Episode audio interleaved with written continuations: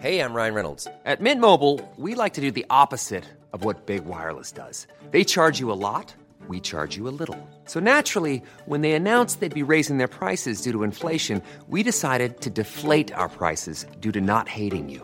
That's right. We're cutting the price of Mint Unlimited from $30 a month to just $15 a month. Give it a try at mintmobile.com slash switch. $45 upfront for three months plus taxes and fees. Promo rate for new customers for limited time. Unlimited more than 40 gigabytes per month. Slows. Full terms at mintmobile.com.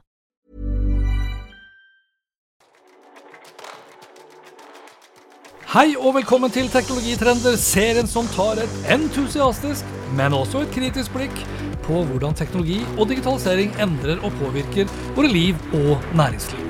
Episoden presenteres av Episenter, Oslo Sub for digital innovasjon og et økosystem for innovative selskaper i vekst.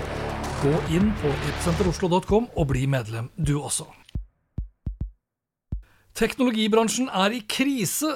De negative effektene av teknologien på våre liv blir stadig mer tydelige, noe som har ført til en kulturell motreaksjon mot eh, teknologibransjen. Og mens de ivrigste teknologioptimistene venter på Apples Vision Pro-briller, har Humane et oppstartsselskap grunnlagt av tidligere Apple-ansatte avduket sitt første produkt, AI Pin. Produktet er ment å redusere vår avhengighet av smarttelefoner og fremme et sunnere forhold til teknologi, og det er jo bra. AI-pin skal kunne erstatte de vanlige funksjonene til en smarttelefon, men da uten skjerm, og vil utføre sine oppgaver gjennom AI-drevet interaksjon. Hensikten er å tilby et alternativ til den konstante skjermtiden og den omfattende bruken av smarttelefoner i dagens samfunn. Og Det her høres ikke dumt ut, eh, og jeg skal heller ikke påstå at visjonen ikke er ambisiøs eller innovativ. Samtidig så vil jeg understreke at prosjektet fremstår som et ganske så desperat trekk. Et trekk jeg har liten tro på vil påvirke smarttelefonmarkedet, eller vårt avhengighetsforhold til smarttelefonen som sådan. Imran Chaudhry, som er grunnlegger av Humane, forlot sin stilling hos Apple nettopp for å søke løsninger på disse utfordringene.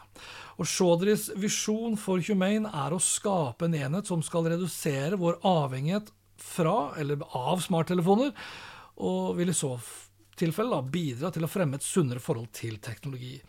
Selv om hans intensjoner kan være både genuine og gode, så har jeg liten tro på visjonen og påvirkningen, for smarttelefonene har for lengst blitt en integrert del av våre liv, og infiltrerer i så måte hvert aspekt og gjør oppgaver uten en smarttelefon tilnærmet umulig.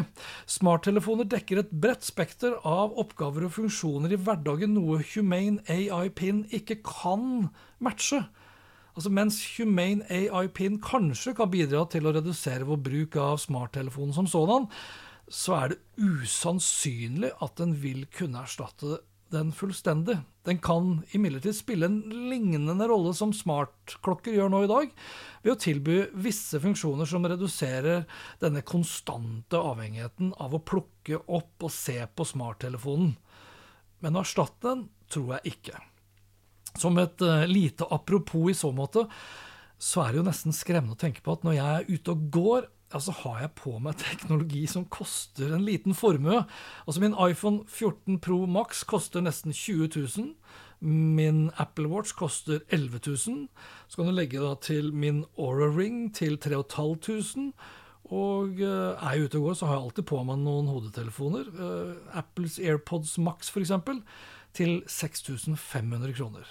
Skulle jeg i tillegg begynne å kle meg med Humane AI Pin, ja, så kan jeg plusse på nærmere 9000 spenn til. Da er vi oppe i 50 000 kroner, og er jeg på vei til et foredrag eller et jobbmøte, ja, så har jeg jo med meg PC-bagen med bl.a. min Apple Macbook Air M2-laptop, som koster 25 000 spenn. Titt og ofte har jeg kanskje med meg min Remarkable 2, som koster 7000 kroner, og da begynner vi å nærme oss nesten 100 000. En barriere som er fort gjort å bryte hvis jeg i tillegg har med meg f.eks. en, en second smarttelefon, som jeg ofte har, gjør, f.eks. en Google Pixel 8 Pro-telefon, i tillegg til uh, min DJI Mini 3 Pro, som også da har plass i PC-bagen. Det er mildt sagt helt uvirkelig rett og slett å tenke på. Ikke minst med tanke på at vi også snart kommer til å kle oss med smarte briller, f.eks. av Meta sine Ray-Ban-briller til 4500 spenn. Anyways, tilbake til AI-pinnen som jeg tror kommer til å floppe, og det av flere årsaker. Én har jeg vært inne på flere ganger. Den mangler skjerm. Smarttelefonen blir tross alt ikke brukt så veldig mye som telefon. Humane AI Pin kunne muligens vært en nyttig dings i en tid før vi hadde smarttelefoner.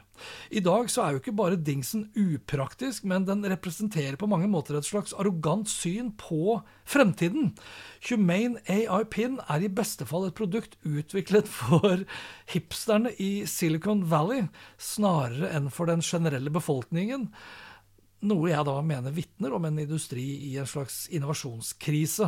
En industri som forsøker etter beste evne å overbevise oss om at AR og VR er her nå, og at metaverset er like rundt neste sving, hvor blokkjeden, kryptovaluta og NFT-er venter på oss. Her fremstår Humane AI Pin som enda et desperat forsøk på å utvikle et produkt som skal ta oss over fra smarttelefonen. Humane AI Pin tror jeg kommer til å gå inn i historien som ett av mange eksempler på produkter som først og fremst er laget for nyheten sin skyld, og ikke for å løse et konkret problem som kan forbedre livene våre.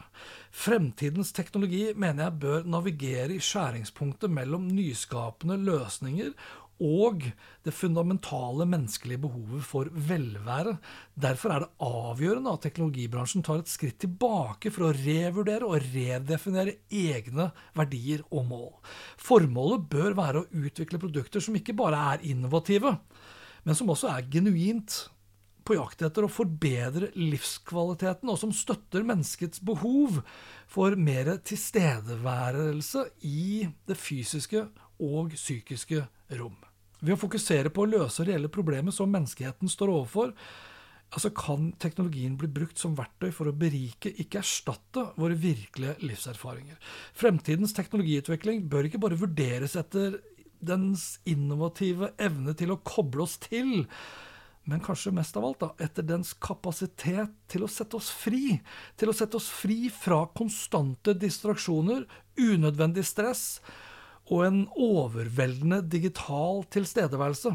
Ved å sette menneskelig velvære i sentrum for våre innovasjoner, altså kan vi også åpne opp for en fremtid hvor teknologi er en katalysator for en sunnere, mer balansert og et mer dypt tilfredsstillende liv.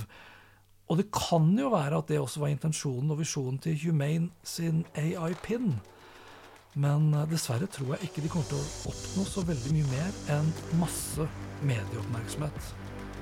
Og det var også det for denne gang. Inntil neste episode, vær nysgjerrig, men still også kritiske spørsmål. Ikke bli en teknologisjåvinist, for det er den eneste riktige måten å møte fremtiden på. Lenker til alt jeg snakker om finner du som alltid på Hans Petter Odd-info. Snakkes da. Hei då!